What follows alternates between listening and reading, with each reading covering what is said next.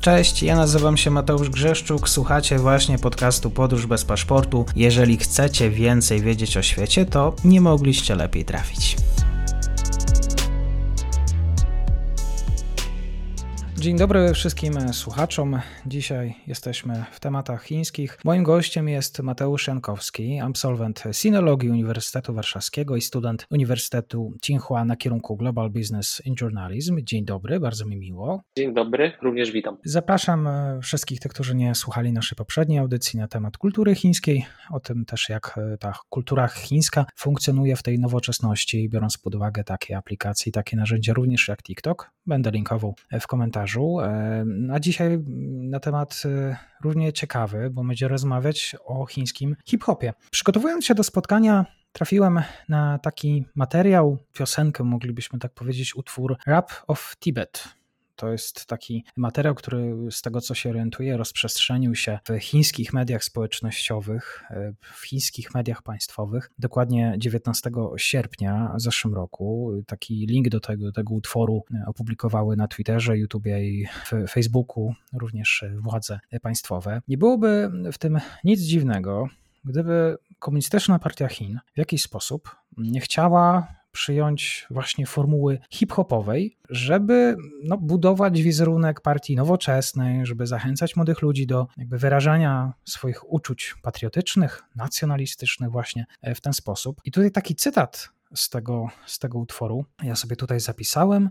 Uwaga, e, Himalaje mają szczyt Yarlung Tsangpo, a tak nie wiem czy dobrze powiedziałem, jest to górny strumień rzeki Brahmaputra, która znajduje się właśnie w tybetańskim regionie autonomicznym w Chinach. Ma źródło, gorycz dla Tybetańczyków ma swój koniec, wtedy wchodzi komunistyczna partia Chin. Takie mamy wersy w e, tej, tym utworze hip-hopowym. E, zawsze mi się wydawało, Mateuszu, że rap, hip-hop to jest taka muzyka buntu, muzyka, e, moglibyśmy niektórzy jeszcze starsze z pokolenia powiedzieć, muzyka kryminalistów i gangsterów. E, no tak, e, w Chinach tak naprawdę jeszcze do niedawna również była tak określana. To jakby ten koncept zachodni, że to jest właśnie muzyka buntu, prawda, to też wywodzi się ze społeczności osób czarnoskórych w Stanach Zjednoczonych. Gdzieś tam też możemy z tym nurtem kojarzyć. I w Chinach również hip-hop w ogóle, no rap nie cieszył się popularnością, był również uważany za coś e, złego, za muzykę osób zdegenerowanych, e, gdzie jakby teksty nawiązują do narkotyków, też może niezbyt dobrze wypowiadają się o rządzie, też jakby e, jest poruszany temat seksu i tak dalej, czyli różne tematy jednak tabu, w Chinach. Jakby tak samo powiedział lider takiej grupy e, Yin Sang, właśnie, która rapuje w Chinach, takiej dość starszej, bardziej oldschoolowej, że właśnie w Chinach nie mogą na te, tematy rapować, e, no i przez to jest im trudno się wybić, jakby jeśli chodzi o, o dalszą karierę. Natomiast Komunistyczna Partia Chin w pewnym sensie E, podchwyciła te trendy i stwierdziła, że jakby muszą też w jakiś sposób dotrzeć do młodych ludzi, żeby ich zachęcić i pokazać, że e, wspierają jak gdyby mm, prawda, też ich działalność i jakby różne talenty i to, żeby zajmowali się czymś e, bardziej kreatywnym. I na przykład, co ciekawe, partia komunistyczna w zasadzie zainwestowała nawet w ten przemysł i powstało coś takiego jak Chengdu Revolution, czyli taka grupa, w zasadzie kolektyw, który właśnie rapuje o Chinach e, dla ludzi e, z zachodu, czyli przedstawia, jakimi wartościami się kierują, e, co jest w Chinach ważne, też jakie tematy są palące, czyli na przykład ochrona środowiska, jakie postępy w tym kierunku zostały zrealizowane. I to było wspierane przez ruch młodzieżowego odłamu Komunistycznej Partii Chin. Także tutaj partia zdecydowanie znalazła gdzieś tam pewną lukę, żeby też e, gdzieś tam się odnaleźć i, i wesprzeć, e, wesprzeć cały nurt. No i tak jak e, mówiliśmy w sumie przy poprzednim podcaście, że na fali koreańskiej popkultury, tak K-popu i japońskiej, czyli mangi, anime, no Chiny starają się też coś do tego nowego świata wnieść, nie tylko już tą kulturę starożytną, czy kulturę tradycyjną, inaczej możemy ją nazwać, i też coś nowoczesnego, żeby jednak mm, młodzi ludzie byli tym zainteresowani, żeby to było po prostu interesujące też dla młodego e, odbiorcy. E, no i właśnie chiński rap e, stał się czymś zupełnie ciekawym, początkowo oddolnym, a później właśnie wspieranym również przez Komunistyczną Partię Chin, oczywiście do pewnego stopnia. Dostał w zasadzie taką legitymizację, pewna tematyka została określona, też prawo jest dość restrykcyjne, jeśli chodzi o to, o, jeśli chodzi o sam tekst, czyli na, jaka tematyka może być poruszana, a jaka raczej nie, jaka jest źle widziana, jako degenerująca społeczeństwo i tak dalej, więc też ci raperzy mają świadomość tego, na jakie tematy jest, na jakie tematy mogą jakby e, mówić i rapować, a e, jakie należy unikać. Także e, no, partia gdzieś w tym znajduje też ujście dla swojej polityki odnowy narodu chińskiego, tak można powiedzieć, o której bardzo często się mówi ostatnimi czasy. Mhm. Może to jest właściwe pytanie, bo ja sobie tak wyobrażam, że Chińczycy mogą mieć raczej ambiwalentne uczucia co do kultury amerykańskiej, do wytworów tego właśnie co zachodnie. Raczej chcieliby stawiać na to, co lokalne, to, co kojarzy się właśnie z wzorcami kulturowymi, ale właśnie chińskimi wzorcami. Stąd właśnie takie pytanie, jak oni sami się czują z tym, bo oczywiście y, hip-hop moglibyśmy nazwać, że jest takim zjawiskiem międzykulturowym, że to jest ekspresja właśnie bardzo ważna, więc jakby trudno oczekiwać, żeby i w Chinach nie miała, nie, nie byłaby, że tak powiem, podejmowana przez szeroko pojętych artystów, ale to oczywiście hip-hop to jest cała kultura i jest taniec i jest e, oczywiście ten ekspresja, która wiąże się z tym e, ma swój e, namacalny cel, jeżeli chodzi o taką kulturę, nazwijmy to uliczną. No właśnie, czy, czy Chińczycy chętnie, czy, czy, czy oni to kupili? No bo jednak mimo wszystko kojarzy się to z tym czasami, nazwijmy to, zgniłym światem zachodu. Zdecydowanie tak. No jeśli chodzi o te mm, już kawałki bardziej, gdzie jakby e, partia, że tak powiem, e, miała silniejsze wpływy, czy po prostu finansowała daną inicjatywę, to oprócz tego są oczywiście inicjatywy oddolne, tak? Artyści powstają e, też niezależnie. To nie jest tak, że jakby partia odgórnie decyduje, nie wiem, musicie rapować tylko i wyłącznie na temat Chin i w ogóle przedstawiać, jak to u nas wygląda rzeczywistość, najlepiej objaśniając łopatologicznie, e, żeby to trafiło do ludzi zachodu również, tylko no, wytworzyła pewien koncept, e, to się gdzieś tam przyjęło, to też dało w pewien sposób takie przyzwolenie, że jednak ta, taka muzyka może powstawać, wiadomo, no nie na każdy temat, ale jednak e, można, można w tym nurcie tworzyć. No i tak naprawdę piosenką trochę, która stoi obok tego, co stworzyło Chengdu Revolution, co ciekawe, inicjatywa powstała również w tym samym mieście, no to jest y, zespół w zasadzie Higher Brothers, który jest chyba najbardziej rozpoznawanym w, nie tylko w Chinach, ale już globalnie, ponieważ należą oni do amerykańskiej już wytwórni 88 Rising, która zrzesza Azjatów, e, którzy chcą właśnie przekazywać swoje treści, swoją muzykę e, do krajów zachodu, głównie do, na, na, Stany Zjednoczone, na rynek amerykański. I właśnie jedną z ich takich pierwszych piosenek, która bardziej się wybiła, to było e, Made in China gdzie oni właśnie rapują w tej piosence, że yy, tak, piłeczka ping-pongowa jest made in China, to jest made in China, tam to jest made in China. I w zasadzie yy, wiele rzeczy może być made in China, więc rap również może być made in China. I potem ja oglądałem z nimi wywiad, też yy, prowadzony przez zachodniego redaktora, gdzie właśnie on ich e, o to pytał, tak, że no, no jak, no, rap made in China, on nie jest made in China, tylko gdzieś tam narodził się głównie w Stanach Zjednoczonych, tak, e, więc jak możecie to, czy to jest w ogóle zgodne z cultural appropriation, tak, czyli zgodne w ogóle z, z taką etyką kulturową, przecież to, to jest muzyka osób jakby czarnoskórych i tak dalej. I oni wytłumaczyli, że e, przecież tak samo jak anime właśnie oglądają wszyscy ludzie na świecie i biali, tak, a narodziło się w Japonii, tak samo e, rap również może być made in China, jeżeli doda się do tego chińskie instrumenty, jeżeli e, rapuje się w dialekcie, bo oni głównie w dialekcie syczuańskim tworzą muzykę, o, którym, o, czym też później powiem, bo ten aspekt językowy jest bardzo ważny tutaj. Także wydaje mi się, że Komunistyczna Partia Chin trochę to zapoczątkowała, dała jakieś przyzwolenie, jakby taką jasną zgodę, że ten gatunek może zaistnieć w Chinach i może być czymś całkiem ciekawym. E, no i potem narodziły się już kolejne ruchy oddolne, które e, bardzo szybko zdobyły popularność i wywindowały. Mhm. Revolution, ten zespół, o którym e, mówisz, e, rzeczywiście przygotował taki utwór właśnie również z okazji, to już jakiś czas temu, e, kilka lat temu, 1 lipca, 95. rocznica założenia Komunistycznej Partii Chin, więc dokładnie 7 lat temu, był taki materiał właśnie, który rozpoczął się słowami This is China, chyba tak, taki miał tytuł, pokazywać po pierwsze, wszyscy wiemy, że Chiny są krajem rozwijającym się, mają dużą populację i naprawdę trudno nimi zarządzać. I tutaj członek tego zespołu, producent tej piosenki powiedział, że właściwie zespół to chciał tylko wyrazić to, jak zdaniem wygląda ich kraj. Ja kojarzę jednak hip-hop z pewną rodzajem szczerości, bezkompromisowości. Rozumiem, że tu chodzi tylko bardziej o narzędzie, jakim jest hip-hop, rap, komunistyczna partia Chin przede wszystkim. Chciała to raz, że dotrzeć właśnie w ten nowoczesny sposób. Pytanie, czy Chińczycy to kupują? To znaczy tak, no teraz mamy to odrodzenie kultury chińskiej i Chińczycy bardzo mocno wracają do korzeni. W ogóle to pokolenie, generacja Z jest chyba najbardziej patriotyczną w porównaniu z poprzednimi pokoleniami, z ich rodzicami czy dziadkami. I oni są bardzo dumni z bycia Chińczykami aktualnie, z tego sukcesu gospodarczego, który się wydarzył, e, z tego, że coraz większą ilość osób stać, żeby konkurować e, na rynku konsumpcyjnym z ludźmi zachodu i po prostu zdecydowali się e, konkurować już w każdej dziedzinie, również tych artystycznych i również w, w rapie czy w hip-hopie. Nie wydaje mi się, żeby z kolei to szło w parze z jakimś obrzydzeniem czy gdzieś tam dystansem do kultury zachodniej. Ona nadal jest popularna, no może już nie tak bardzo jak kiedyś, też musimy pamiętać, że jest ta przestrzeń też dla kultury japońskiej i koreańskiej bardzo mocno w Chinach. Tutaj na zachodzie zdecydowanie mniej, a w Chinach jednak bardzo, e, także też trzeba o tym pamiętać i jak gdyby no, kultura zachodnia jest dla Chińczyków nadal czymś całkiem atrakcyjnym, już może nie pierwszorzędnym, ale z czymś na pewno, z czego można czerpać jakąś inspirację i dalej gdzieś tam e, można z tego korzystać. Natomiast już na wzór chiński, tak? Czyli to zostało w pewien sposób zaadaptowane do kultury chińskiej więc ciężko tu mówić tak naprawdę o kulturze zachodniej, która gdzieś tam mm, została zaimplementowana, została w zasadzie pożyczona, scenizowana i przekształcona w taki sposób, że e, równie dobrze możemy nazwać jakby ten rap e, częścią już chińskiej kultury. Zresztą mówi się C-rap, czyli Chinese rap, jako w zasadzie już prawie, że oddzielny gatunek, tak samo jak K-pop. Także Chińczycy zrobili z tego coś bardzo swojego już.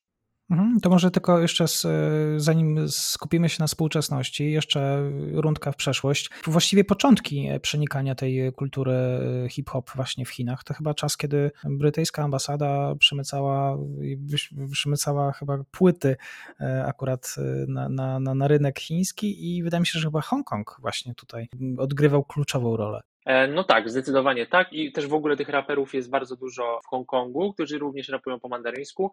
E, I jest bardzo dużo wytwórni w Hongkongu, które e, nadal zatrudniają jakby chińskich artystów z Chin kontynentalnych. I jak gdyby poniekąd nadal gdzieś to funkcjonuje, że ten Hongkong jest trochę takim oknem. Natomiast no, no tak, zaczęło się w zasadzie od czarnego rynku i że właśnie z ambasady brytyjskiej bardzo dużo tych płyt CD szło i to gdzieś tam było na tym czarnym rynku rozdysponowywane. Natomiast no, jakby teraz jest to dużo bardziej dostępne. Jakby no, no, ten czarny, czarny rynek w zasadzie trochę zamarł, no, no, nie jest już y, potrzebny. Też cenzura, jeśli chodzi o, o muzykę, y, jest jeśli chodzi o teksty, natomiast, no, czy, czy jakieś y, kwestie wizualne, graficzne, natomiast to już nie jest tak, że coś zostaje skazane na banicję tylko i wyłącznie dlatego, bo pochodzi na przykład z zachodu i nie wiem, i jest, może popsuć chińską młodzież. To już jakby nie są te czasy. Natomiast, no tak, no w zasadzie takie były początki, ale to były lata 90., może do początku e, lat 2000. W zasadzie 2009 rok to już jest e, Iron Ma Mike Rap Battle i to, to są takie uliczne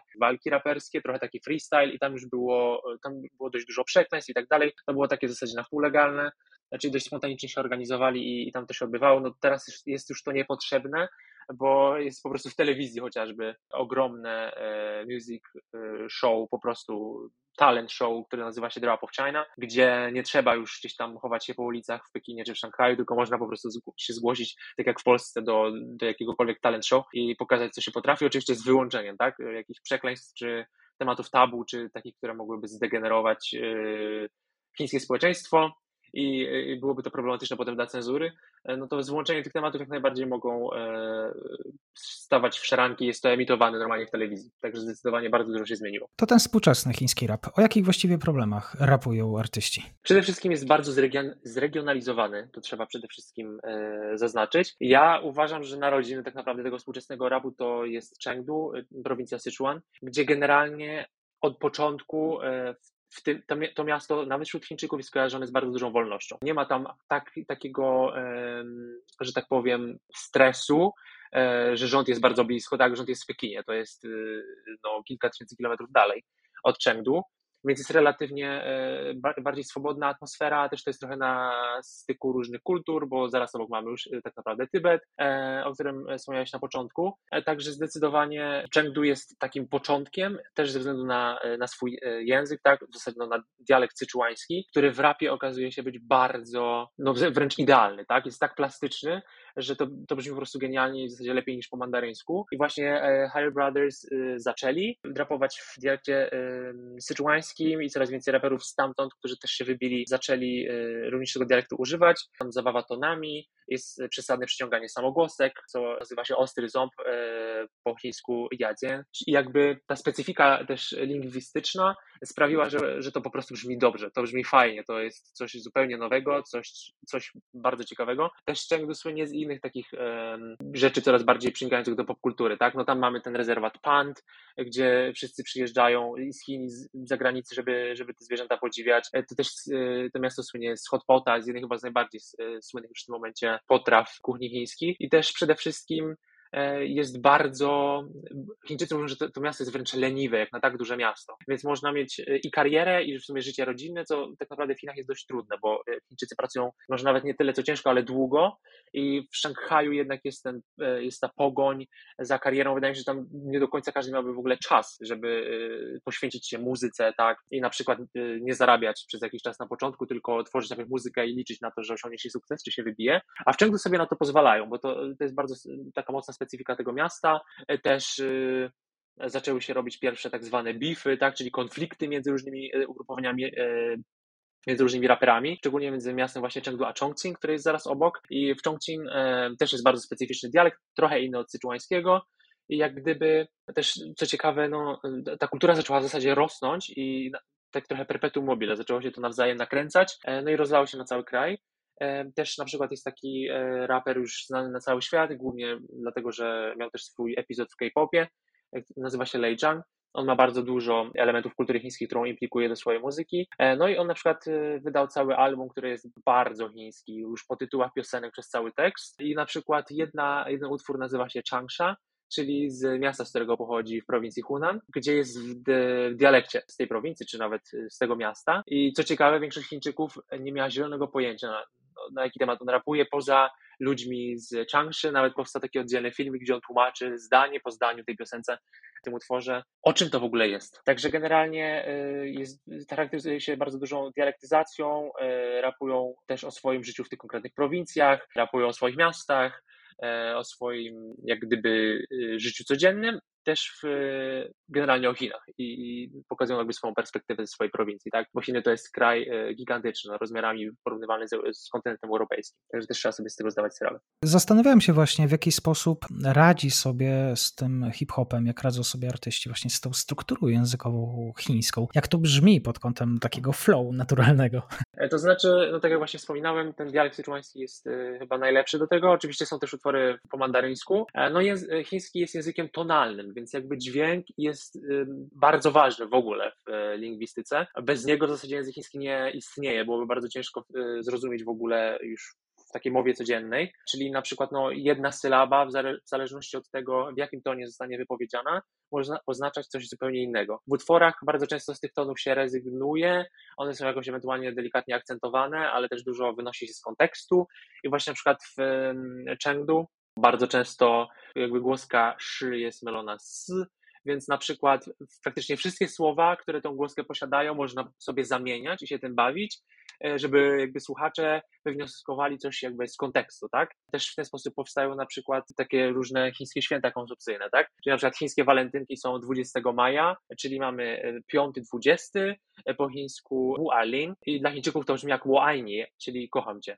Jakby oni zawsze bawią się po prostu e, dźwiękiem swojego e, języka, przekładają też często słowa właśnie na liczby, one wtedy coś oznaczają, więc jakby to jest moim zdaniem wręcz idealny język, żeby e, w nim rapować i właśnie flow jest po prostu genialny. Oczywiście to jest trudne dla zachodniego słuchacza, no mi jako sinologowi jest, sinologowi jest trochę prościej, żeby te teksty też zrozumieć od strony takiej kulturowej i, i żeby znaleźć tą głębię gdzieś tam. Natomiast no Chińczycy wiadomo, no jako odbiorcy tej kultury będąc wewnątrz niej jest to dla nich bardzo proste i no coś takiego zupełnie innego i ciekawego. Audycja o języku chińskim, profesor Marcin Jakoby również e, nagraliśmy taki materiał, jeżeli kogoś interesuje struktura języka chińskiego takiego. Bardzo się o ciekawych rzeczach mówisz, Mateusz. Zastanawiałem się w tym momencie, czy właściwie w chińskim rapie funkcjonuje coś takiego jak diss, czy właściwie raperzy wzajemnie się co jak co, ale obrażają. Tak, zdecydowanie to istnieje. Natomiast jest to bardziej taki underground, w sensie no to, to nie będzie gdzieś tam wypuszczone zbyt bardzo publicznie, tak żeby raczej cenzorzy tego nie zauważyli. Natomiast wiadomo, no, wszystko w zasadzie da się obejść i Chińczycy to robią, szczególnie młode pokolenie. Gdzieś tam są wysyłane różnego rodzaju linki z takich bitew na przykład, gdzie właśnie jest, jest ten diss. Wcześniej wspomniani właśnie e, Higher Brothers mieli właśnie taką potyczkę i wymianę zdań z takim raperem z Chongqing, nie pamiętam bodajże Guy się nazywał i właśnie oni się, e, bo oni wcześniej współpracowali razem, potem nastąpił taki rozłam. Higher Brothers, czyli temu kolektywowi z Chengdu udało się zrobić e, karierę już bardziej międzynarodową, występowali w Stanach Zjednoczonych, więc też wydaje mi się, że o to w pewnym sensie poszło. No i tak, i wtedy rzeczywiście były różnego rodzaju disy, też oni oczywiście starają się to gdzieś ukryć, żeby to było y, no, taki insight, tak? Czyli ci, kto ma wiedzieć, ten wie, jak to można potocznie powiedzieć. E, natomiast no, też są w stanie to gdzieś tam obejść, ale jak najbardziej to, to istnieje. Nie jest to takie powszechne, ale no, to, to jest i to istnieje i no, wydaje mi się, że nie można tego e, jakby rapu wyjąć spod tego. To jest dosyć naturalne i w Chinach też nie da się tego uniknąć. Na przykładzie polskim, ale oczywiście nie tylko polskim, e, cała branża hip-hop to jeden wielki biznes. Raper dzisiaj to jest i właściwie przedsiębiorca, to jest ktoś, kto buduje własną markę osobistą, często pociąga za tym jakiś inny produkt, to znaczy sklep, a to też e, sprzedaż ubrań. E, to są ludzie, którzy no, rzeczywiście potrafią przekuć to, co potrafią najbardziej w pieniądze. Czy dzisiaj taki chiński przemysł rapowy, hip-hopowy to jest właśnie również i ubrania, ciuchy, koncerty, wielkie festiwale, a więc i wielkie pieniądze? Zdecydowanie tak i przykładem jest na przykład e, Massy Way, raper właśnie z Chengdu, e, należący do Higher Brothers, który zrobił reklamę dla Sprite'a na przykład. Też e, niektórzy raperzy ci już, że tak powiem, z wyższej półki, czyli właśnie znani globalnie, większość z nich w pewien sposób pochodzi właśnie z K-popu, z tego koreańskiego popu, oni się potem odłączyli, pozrywali kontrakty z tymi wielkimi wytwórniami koreańskimi i są już samodzielni i właśnie rapują w języku chińskim. Oni na przykład podpisują takie bardzo długie umowy, są w zasadzie ambasadorami różnych marek luksusowych, wiążą się z taką marką na raczej na dłuższy czas, to nie są jakieś krótkie kampanie. I na przykład właśnie raper e, Lei Zhang był kojarzony z Valentino, e, z tą marką luksusową bardzo, e, bardzo długo współpracował, wydaje mi się, że nawet kilka lat na Instagramie było. Bardzo często widać, jak w tych ubraniach chodzi, czy inny raper pochodzenia szanghajsko-hongkońskiego Jackson Wang, który jest bardzo popularny w tym momencie, chyba najbardziej, tak mi się wydaje. E, on y, miał współpracę z kolei z Fendi, czyli z włoskim domem mody, gdzie nawet nagrał e, cały utwór pod tytułem Fendi Man, gdzie, e, gdzie gdzieś tam ta współpraca się pojawiła i też y, właśnie w Chengdu, kiedy miał swoje koncerty, dość niespodziewanie, to stanęły takie budki z taką ogromną, chyba plastikową pandą, zamkniętą w takiej, takim jakby pojemniku wykonanym jakby z, z podpisem Fendi. I to było też częścią jego, jego występów tam, albo też e, raperka, bo też należy powiedzieć, że jest coraz więcej kobiet, znajdują swoje miejsce. Idzie im bardzo dobrze. Jedna z raperek właśnie Lexi Leo miała jakąś tam kampanię z marką odzieżową Kappa, Także zdecydowanie dają sobie radę również biznesowo i też te wielkie marki nie boją się współpracować z, e, z raperami. Też jeden z większych chyba skandali, nie do końca pamiętam, czy to było rok temu, czy dwa lata temu, ale jeden z raperów, e, Chris Wu, który pochodzi z kantonu, on był generalnie mm, również e, jurorem w tym programie The Rap of China i to był gigantyczny skandal, gdzie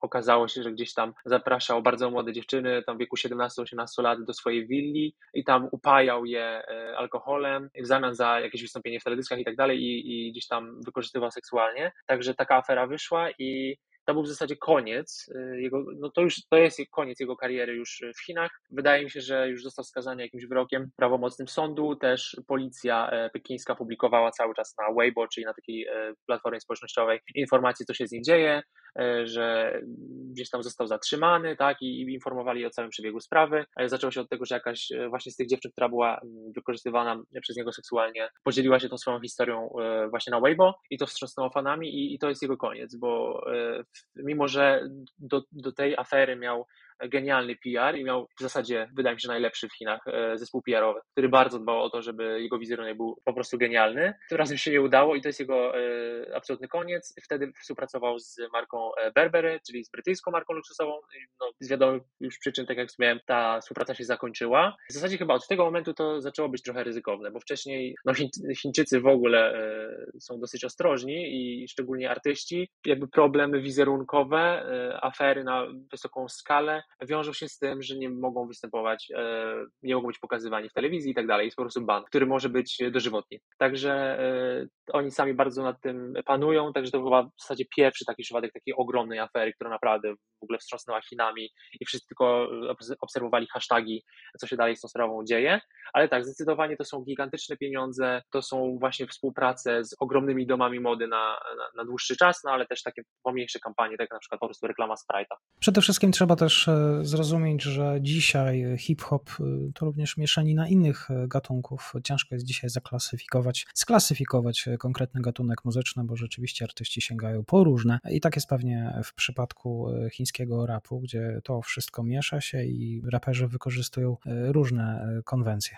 No tak, zdecydowanie też pojawia się trap, czyli mm, tutaj ciężko mi się wypowiedzieć, bo nie jestem jakoś z, jakimś znawcą tego gatunku, ale w pewnym sensie unowocześniona wersja rapu, e, więcej elektroniki i gdzieś tam mm, też pojawia się jakiś autotune i tak dalej. Tak, z tego też chińscy raperzy oczywiście też korzystają naturalnie, także, e, ale też no, e, implikowanie instrumentów tradycyjnych chińskich, czy jakichś dźwięków, czy bitów stworzonych na podstawie przykład erhu, czyli chińskiego instrumentu. Także no, bawią się też tymi gatunkami, trochę się przenikają, Jedna piosenka jest stricte rapowa, gdzie pojawia się tylko rap, w innej pojawia się też bardziej na przykład melodyjna część, bardziej popowa, także też zdecydowanie e, bawią się tymi gatunkami, to się wzajemnie przenika. Zachęcam wszystkich słuchaczy, żeby zadawali swoje pytania w komentarzach, jeżeli mają dodatkowe. Też poproszę Cię pewnie Mateusz po spotkaniu, to żebyś podesłał mi linki do właśnie kawałków, do zespołów, o których mówimy, żeby też słuchacze e, mogli e, przesłuchać. Tymczasem bardzo dziękuję za Twoją wiedzę, za spotkanie. Mateusz Jankowski, absolwent Sinologii Uniwersytetu Warszawskiego, student Uniwersytetu Tsinghua na kierunku Global Business in Journalism. Bardzo dziękuję. Dziękuję również. I to już koniec na dzisiaj. Zapraszam na profil podcastu Podróż bez paszportu na Facebooku, Instagramie i Twitterze. Zachęcam też do wsparcia mojej pracy na serwisie Patronite oraz Buy Coffee. Do usłyszenia.